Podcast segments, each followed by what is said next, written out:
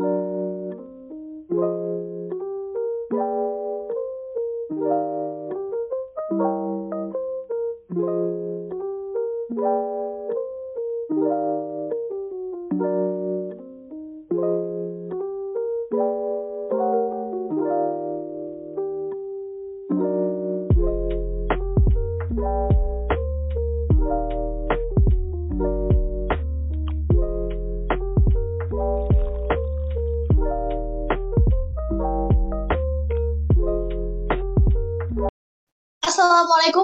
warahmatullahi wabarakatuh. Halo teman-teman semua, balik lagi di IAKI Podcast. Gimana nih kabar kalian semua? Semoga sehat selalu ya guys. Di episode kali ini kita berdua bakal membahas sesuatu yang gak kalah seru dari episode-episode sebelumnya. Dan tentunya bakal menambah insight baru buat mahasiswa. Nah, udah kebayang dong kita mau bahas apa? Boleh dong Ine langsung kasih tahu. Oke, di episode kali ini kita bakal membahas tentang IPK, di mana pembahasan ini cocok banget nih untuk maba-maba yang baru mau masuk kuliah. Kita panggilkan bintang tamu kita yang paling spesial, yaitu Ochka Fajrin. Jring, jring, jring, jring, jring, jring. Halo semuanya, uh, Assalamualaikum. Uh, nama aku Oscar Muhammad Fajrin. Di sini aku sebagai salah satu mahasiswa dari IEKI Angkatan 2021. Halo Oscar. Halo. Halo Oscar, boleh tahu nggak nih sekarang kesibukannya apa aja? Uh, kesibukan sekarang sih lebih ke organisasi ya pastinya banyak banget proker-proker dari departemen aku yang harus uh, dilakukan khususnya di bulan ini gitu ya dan Oke nih terkait semester 3 ya Oska apa sih yang ngebuat kamu uh, semangat nih untuk menyiapkan semester 3? Uh, eh, jujur ya, uh, sebenarnya kalau misalnya dibilang semangat sih um, biasa aja gitu. Tapi emang aku tuh tipe orang yang takutan gitu takutan untuk menghadapi sesuatu kalau misalnya emang bener-bener belum dipersiapin gitu. Ya termasuk uh, kuliah ini gitu. Tapi sebenarnya nggak nggak tentang kuliah doang gitu tentang yang lainnya juga. Misalnya tentang uh, gimana cara aku beradaptasi ke suatu tempat gitu ya. Jadi aku tuh bener-bener harus persiapan dulu gitu. Gak mungkin dong kita mulai suatu hal tanpa ada persiapan sih. Itu sih menurut aku. Jadi aku tuh lebih ke nggak mau uh, nantinya nyusahin diri aku sendiri aja sih. Jadi lebih ke gimana caranya supaya nanti waktu di hari hanya atau waktu di kegiatannya itu aku benar-benar udah siap sama semuanya. Walaupun nggak siap secara sempurna gitu 100%, at least aku udah nyoba buat mempersiapkan itu semua supaya nggak kaget juga sih. Itu sih.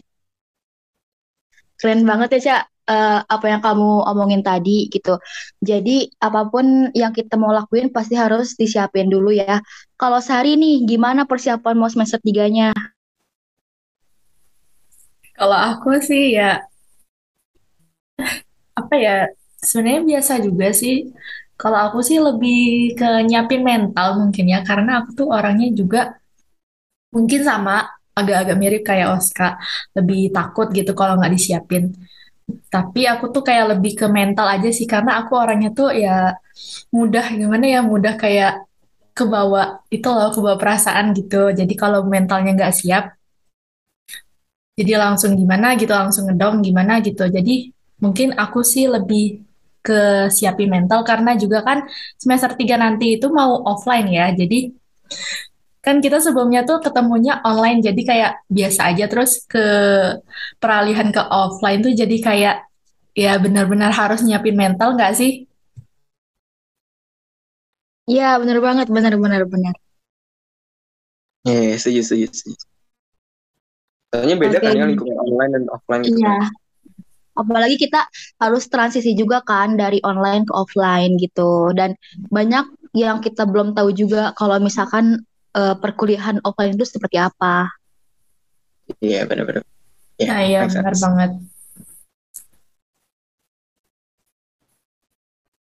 Oh iya, Oscar kan nih kayaknya nih kelihatannya tuh orangnya well prepare banget ya. Nah, Oscar itu selain itu juga tuh kayak apa ya top five students juga nggak sih termasuk yang IPK-nya bagus? Benar nggak sih? Iya, betul banget tuh. Kalau dibilang well prepared juga enggak banget sih. Maksudnya ya nyoba prepare sebisa mungkin aja sih kalau misalnya emang nggak sempat prepare ya gimana lagi ya. Tapi emang harus sebisa mungkin lah di preparein gitu semuanya gitu. Jadi nggak kaget amat ya balik lagi ke yang tadi kan, yang tadi aku omongin kalau misalnya aku orangnya nggak bisa benar-benar kayak langsung gitu tiba-tiba misalnya ujian nih ngedadak nah aku tuh nggak bisa kayak tanpa apa ya tanpa bekal tuh nggak bisa banget gitu malah aku tuh ya dulu ya kalau bisa boleh cerita ya ini boleh gak agak panjang nih Boleh, boleh, nggak apa-apa banget. Boleh, boleh, boleh. Ayo, ayo, kita. nah jadi dulu tuh ya waktu SMP tuh ya jadi kalau misalnya mau ujian tuh kalau misalnya nggak prepare ya itu tuh pasti aku tuh kayak lebih kayak nggak mau masuk ke sekolah gitu jadi lebih baik aku bolos daripada aku emang nggak ada prepare sama sekali karena kan kalau misalnya nilai itu apa ya taruhannya ke rapot kan kalau dulu tuh apalagi kalau dari keluarga aku tuh lebih ke orang yang atau keluarga yang benar-benar kayak apa ya benar-benar eh, pada concern ke akademik gitu jadi kalau misalnya aku nggak prepare tuh kayak bener-bener diomongin gitu. Nah, makanya dari sana lah aku kayak muncul lah rasa-rasa yang kayak gitu sih. Lebih ke sana sih.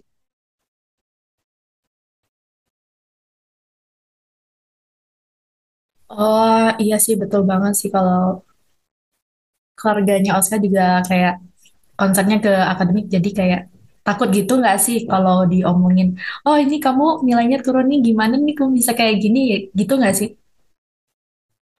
Iya, iya, iya banget. Iya banget. Kayak, Berarti dalam menghadapi itu gimana sih kamu caranya bisa adaptasi dari pembelajaran dari pas masuk awal kuliah gitu dari yang yang notabene-nya kita barusan dari SMA ke jenjang yang lebih tinggi. Gimana sih kamu adap- adaptasinya?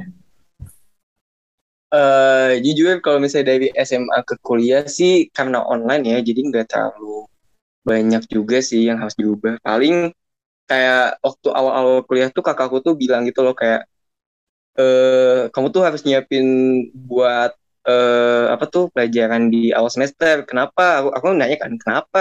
Ya bukannya SNMPTN kan aku alhamdulillahnya SNMPTN kan. Nah, itu eh, karena udah SNMPTN aku tuh ngerasa kayak ah udahlah ngapain lagi belajar kan, kayak ngapain ngabisin waktu. Nah, terus kakakku tuh kayak bilang itu kayak Nah, kamu nanti bakal kalah sama anak-anak SBM atau SM yang masih hafal sama materi-materi ujiannya gitu.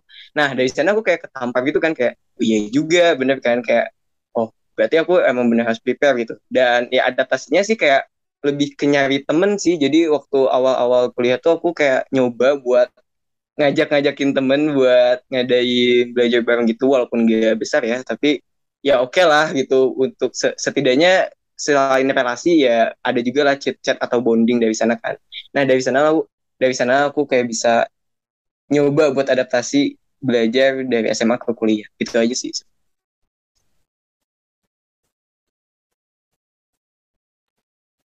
Oke, berarti eh, kamu emang prepare gitu ya, Cak. Eh, dari misalkan nih, kamu kan udah keterima SNM nih, terus eh, kan kuliah itu beda lah, beda ya sama SMA gitu. Jadi kamu harus eh, diwanti-wanti dulu untuk kayak bisa belajar gitu, biar nantinya tuh nggak kaget lagi sama anak SBM dan SNMPTN. Terus nih, Cak, dari kamu eh, prepare atau adaptasi dari transisi SMA ke kuliah, apakah eh, kamu kayak menargetkan nih untuk semester satu pengen IPK berapa atau eh, pengen gimana gitu? Ya, sebenarnya ini eh, apa ya lucu sih kalau menurut aku ya. Karena aku tuh kemakan sama omongan-omongan orang-orang di salah satu platform gitu ya. Jadi aku tuh nonton kan waktu liburan dari apa tuh SMA ke kuliah tuh. Nah, di FYP aku tuh kayak kayak apa tuh muncul kan kayak video kalau misalnya di semester satu atau semester 2 tuh kalian tuh bener-bener ngejar IPK sebesar mungkin gitu. Karena di semester 3 ke sananya itu tuh bukan susah banget buat apa ya kayak ngejar IPK. Nah dari sana lah kayak aku kayak ya ini mah berarti harus dari awal banget gitu karena aku juga nggak tahu kan uh, apa tuh namanya di semester 3 aku kayak gimana gitu. Apalagi offline kan gitu. Kita nggak nggak pernah tahu apa yang bakal terjadi di semester 3 sampai ke depannya. Bisa jadi aku uh, ada masalah atau apa yang ngebuat aku down kan kita nggak pernah tahu. Nah makanya aku tuh kayak mikir kalau misalnya dari semester 1 udah di push at least itu bisa ngedorong lah atau bisa sedikit ngebantu uh, nilai kita di semester 3 atau sampai semester 8 gitu atau dan sebagainya gitu. Nah, jadi sebenarnya itu alasan salah satu alasan aku kenapa aku benar-benar pengen ngebus uh, apa tuh nilai gitu dari sana sesimpel itu aja sesimpel dari FYP aku waktu itu di TikTok Iya ya, bener bener banget. Aku juga kayak ngeliat gitu di FYP TikTok kayak banyak ya kayak kayak edukasi tentang uh, apa sih masa perkuliahan dari awal gitu. Dari awal uh, perkuliahan tuh kayak harus harus bagus nih nilai katanya biar nanti semester 3 sampai ke 8 itu gampang katanya. Tapi ya itu uh, balik lagi ke masing-masing, ya nggak sih? Ya, iya kan, bener kan kayak nakut-nakutin banget tuh pokoknya video-video yang kayak gitu nakut-nakutin banget makanya sebenarnya uh, aku kayak gitu karena ketakutan aja sih kalau misalnya aku nggak takut mungkin juga aku nggak akan apa ya nggak akan se uh, gininya buat uh, ngejar nilai gitu sih kalau kata aku iya sih okay. sama kalau Sari gimana nih Iya sih kalau aku juga sama sih. Kayak semester awal-awal itu kan kayak penting juga gitu. Jadi kayak kalau semester-semester selanjutnya tuh kan kayak udah offline juga kayaknya agak susah gitu nggak sih buat ningkatin IPK. Jadi kayaknya harus dari semester awal sih. Bener sih kata Oscar tadi. Terus ada pertanyaan lagi nih, kalau Oscar sendiri, menurut Oscar, penting nggak sih IPK buat kamu? Kalau menurut aku uh, penting. Kenapa penting? Karena yang pertama ya balik lagi uh, kerjaan ya. Kerjaan tuh walaupun semuanya nggak dilihat dari IPK, tapi at least IPK pasti bakal ngebantu banget. Itu yang pertama. Yang kedua, kalau menurut aku IPK tuh bisa uh, apa ya menjadi salah satu uh, acuan buat kita uh, daftar beasiswa dan lain sebagainya. Karena uh, beasiswa tuh benar-benar harus pakai nilai gitu. Kayak banyak banget gitu scholarship scholarship yang kayak gitu yang ternyata baik-baik banget orang-orang yang jauh lebih besar gitu kan IPK IPK-nya jadi ya di sana aku kayak ngelihat wah berarti orang-orang ini banyak banyak yang concern juga ke IPK gitu. Kayak gitu. Terus apalagi ya? Ya pasti penting lah kalau kataku IPK ya. Jadi lomba juga bisa nggak sih kayak apa ya jadi salah satu indikator buat uh, ini orang kayaknya bisa nih buat lomba-lomba kayak gitu? Kayak gitu sih menurut aku Iya, setuju banget aku. Apalagi yang soal beasiswa itu sih. Soalnya kan kalau beasiswa itu biasanya tuh dilihat dari IPK-nya dulu kan biasanya ada minimal IPK-nya harus, misalnya ada tuh cara beasiswa ada IPK-nya harus tiga setengah nih minimalnya gitu kan. Setuju banget sih aku. Iya, iya kayak gitu.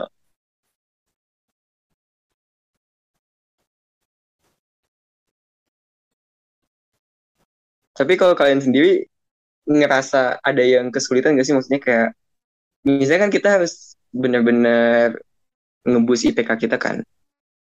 Kayak, kalian ada gak sih pelajaran-pelajaran yang ngebuat kalian tuh kayak, aduh ini susah banget buat di di dalemin gitu. Terus kayak ngebuat kalian tuh kayak, apa ya, capek sendiri kalau misalnya ada pelajaran-pelajaran kayak gitu. Pernah gak sih kalian ngerasa kayak gitu? Pernah banget dong. Ada tuh satu mata kuliah boleh, boleh aku dulu yang cerita atau mau Ina dulu? Sari dulu deh. Oh ya, ada tuh satu mata kuliah, nggak usah disebutin lah, nanti jadi spoiler. Enggak. jadi tuh ada satu mata kuliah. Nah, di situ di mana tuh dosennya tuh lumayan tegas sih, bukan killer, kayak lumayan tegas sih ya. Terus jadi tuh aku tuh takut duluan kan orangnya tuh kayak takut banget. Aduh takut banget nih si si bapak ibu ini nih kayaknya gini banget. Kalau ngajar tuh kayak gitu banget. Terus jadi jadi aku tuh kayak langsung nggak suka sama mata kuliah itu. Dan jadi itu yang yang sangat-sangat membuat aku jatuh banget di mata kuliah itu karena aku aku udah nggak suka duluan sama mata kuliah itu. Jadi pelajarannya tuh kayak hikmahnya tuh jangan kayak kita tuh langsung ngecap ah mata kuliah ini kayaknya susah aku nggak nggak bakalan bisa di situ jangan ngecap kayak gitu please karena itu berdampak banget kejadian di Iya aku sih. sendiri Iya, iya, bener-bener. Ya, jadi nyata gitu kan. Itu kayak kesugesti gitu kan. iya benar benar banget Iya. Iya. kalau Ina gimana Ina Oke, kalau dari aku sendiri sih, eh, mungkin karena eh, aku bukan dari latar belakang eh, pesantren ya. Jadi aku agak culture shock sama ya pelajaran yang aku temuin di semester awal, yang di mana itu ngebuat aku kayak setiap malam tuh nangis mikirin kayak istilahnya tuh kayak overthinking gitu sama pelajaran tersebut. Iya gitu. Padahal waktu kita udah kayak ber- beradaptasi atau kita nanya-nanya ke orang lain, ya sedikit demi sedikit ilmu yang kita pelajari dari, dari orang lain tuh kayak ya nempel juga. Jadi intinya apa pun yang kita sekarang ya kayak cobalah kayak misalkan nih kita sekarang lagi ngejalanin suatu hal tapi kita nggak bisa gitu tapi jadi kita tuh nggak boleh nyerah duluan gitu loh harus coba dulu kalau misalkan emang belum bisa apa ya belum belum emang udah gak bisa jadi kita bisa minta tolong orang lain Iya, bener-bener. Iya, bener-bener. Iya. Soalnya sama sih aku kayak ini kayak aku kan gak ada latar belakang keislaman gitu kan. Jadi ketika dapet eh, matkul-matkul yang kayak ya berbau keislaman tuh kayak kaget sendiri. Terus bahkan sampai setiap tugasnya tuh bener-bener nanya ke temen yang eh, punya latar belakang agama gitu. Dan itu agak malu sih, tapi ya gimana lagi ya, itu cara kita bertahan hidup gitu. Iya bener-bener bener banget. Dan pokoknya kita harus cobain dulu sebelum menyerah ya teman-teman. Oke nih dari kita udah ngebahas nih pentingnya IPK dari Ojka eh, dari Ojka pribadi. Nah sekarang ada lagi nih Ca.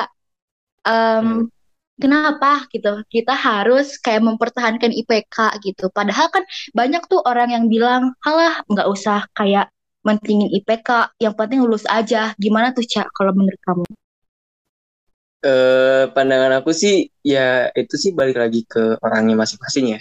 Karena setiap orang tuh di kuliah, kata aku sih, apa ya, fokus mereka tuh pasti beda-beda. Ada tipe mahasiswa yang bener-bener fokus banget ke akademik. Jadi mereka nggak ikutan organisasi, nggak part-time mungkin.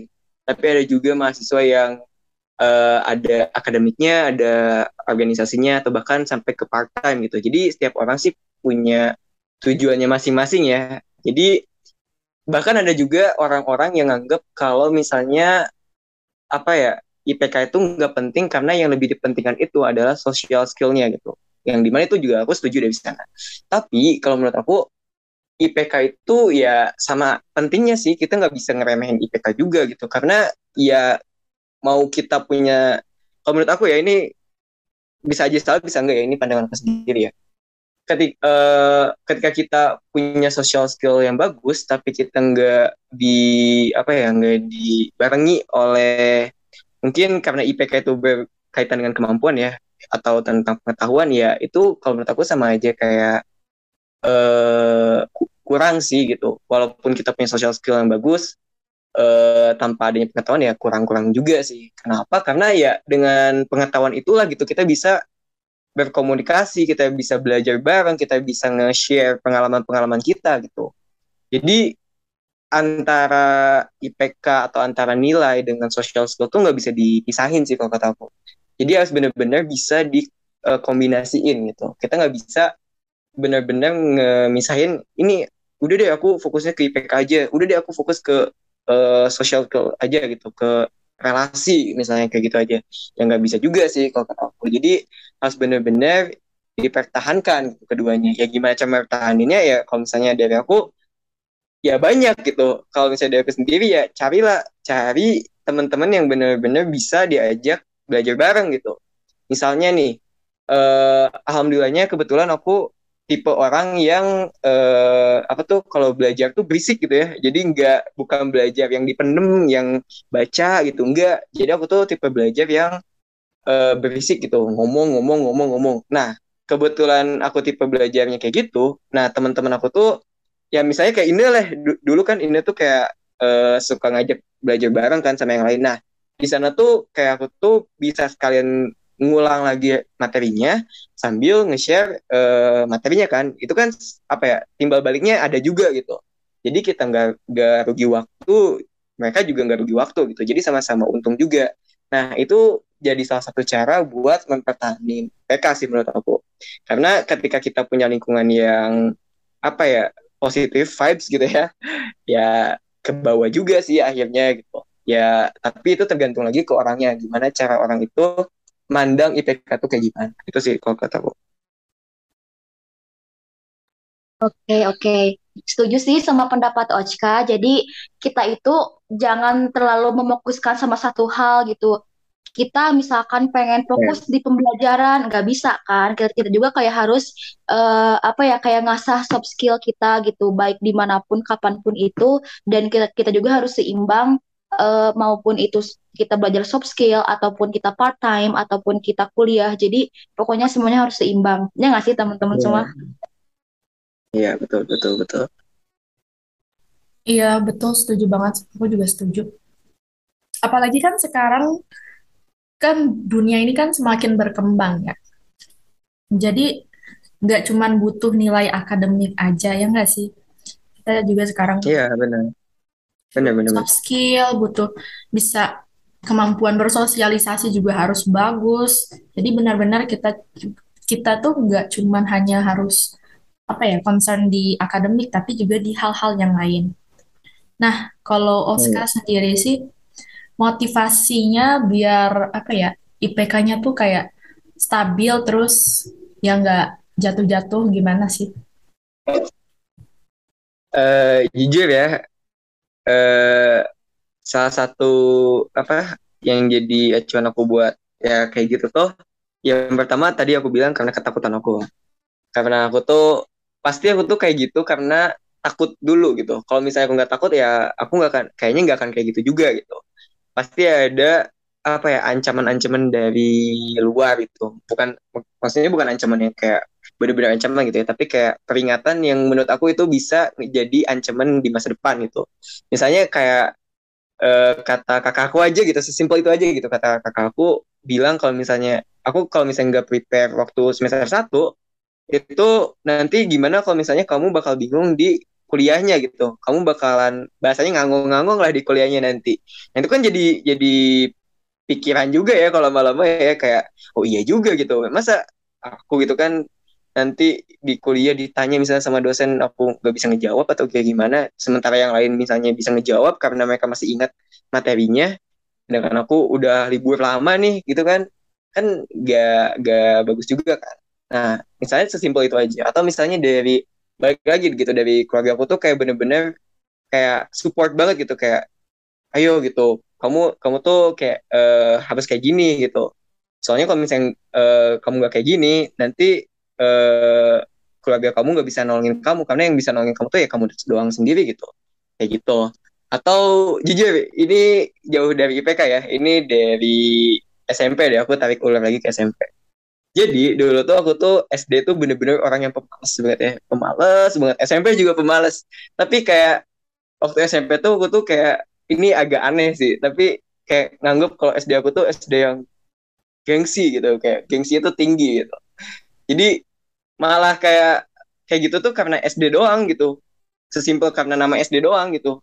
Kalau misalnya aku nggak ingat tentang SD mah ya aku kayaknya bodo amat juga gitu ya ke, ke pelajaran. Jadi sesimpel-simpel itu aja sih kayak hal-hal kecil gitu doang yang bisa apa ya ngebuat aku kayak aku harus bisa nih kayak gini. Karena kalau misalnya aku nggak bisa ya aku nggak bisa nerima konsekuensinya gitu. Sesimpel itu aja sih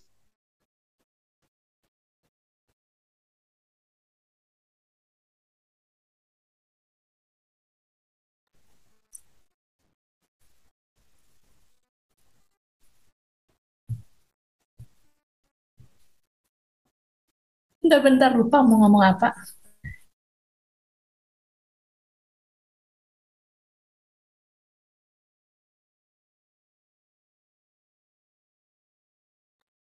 Oke, berarti motivasi dari Ojka kita harus uh, kita harus tahu dulu nih apa yang kita bak uh, jadi kita tuh maksudnya kalau misalkan kita nggak mau uh, terjebak dalam beberapa kegagalan, berarti kita harus kayak tahu dulu apa akibatnya gitu kan. Jadi buat teman-teman semua uh, jangan kayak menyepelekan hal-hal yang uh, sebenarnya itu penting gitu, Pak. Tapi orang lain itu nganggap kayak IPK itu kayak hal yang biasa aja, padahal penting kan. Apalagi uh, kita gitu mau beasiswa ataupun mau uh, intern ataupun mau terus magang itu kan butuh IPK kan.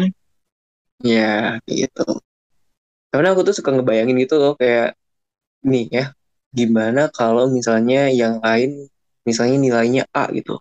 Tapi aku misalnya nilainya C sendiri gitu. Nah aku tuh suka ngebayang kayak gitu. Makanya aku makanya balik lagi gitu. Ya persiapan itu tuh timbulnya itu dari ketakutan gitu. Aku kalau aku tuh bukan dari apa ya bukan dari diri aku sendiri ya sebenarnya dari ketakutan aja sih takut misalnya orang lain pada bisa semuanya aku aku doang sendiri yang nggak bisa nah gitu doang sih sebenarnya oh. Iya berarti ya benar tapi dari ketakutan itu ngebuat kamu jadi kayak maju. Jadi maksudnya ketakutan itu ngebuat kayak dampak positif, bukan dampak negatif. Dan hal itu jadi kayak membangun semangat kita buat uh, lebih belajar lagi ke depannya dan tidak mengulangi kesalahan tentunya ya teman-teman semua. Iya, kayak gitu. Bisa dibilang kayak gitu sih.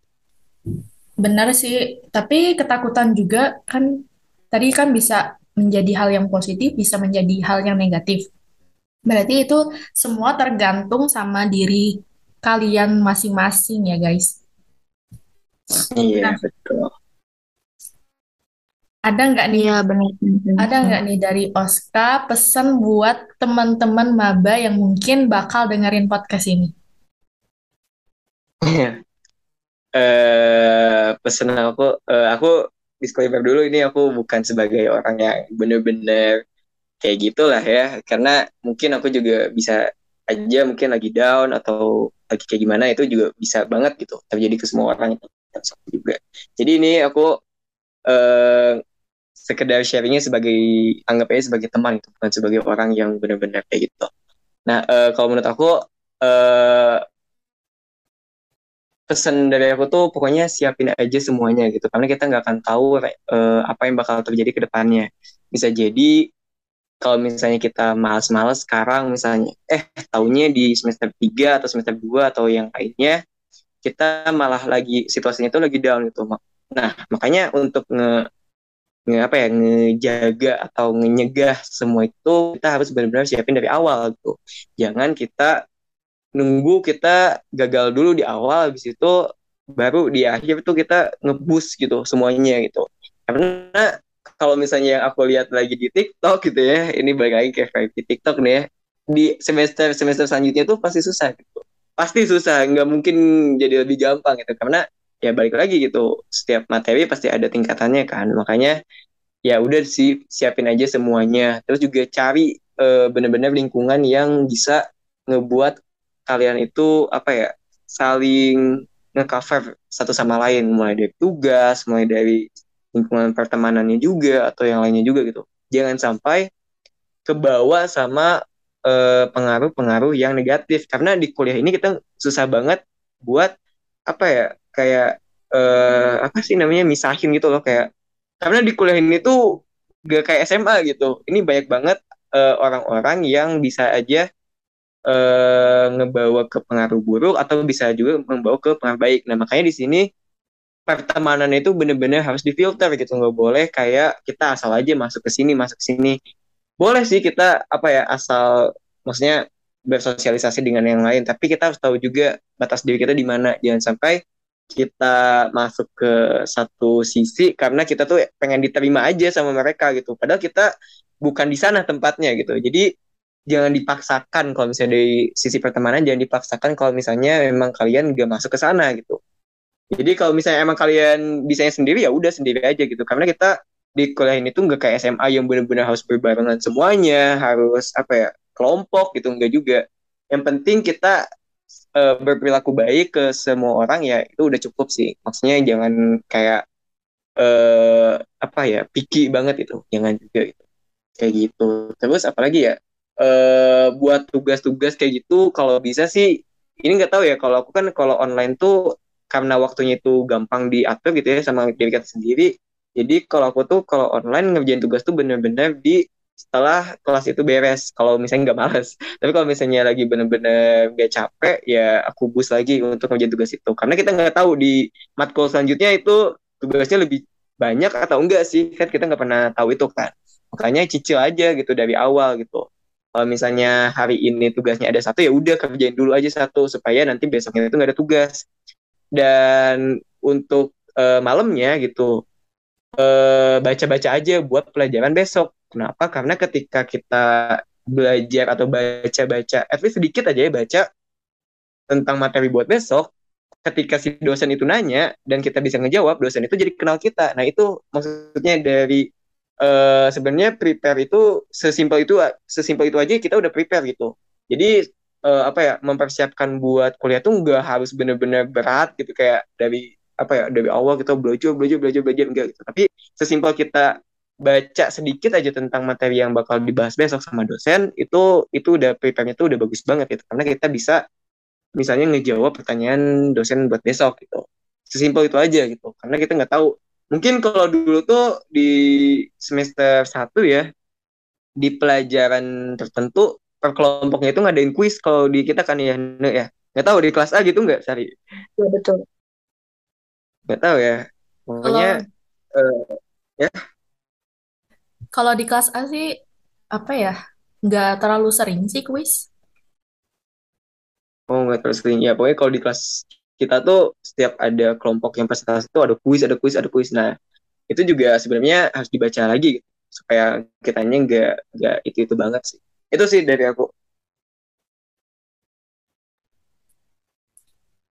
Wah, mantep banget nih pembahasan dari Oscar tuh menurut aku udah kayak wah kayak beneran apa ya sangat berbobot sekali ya.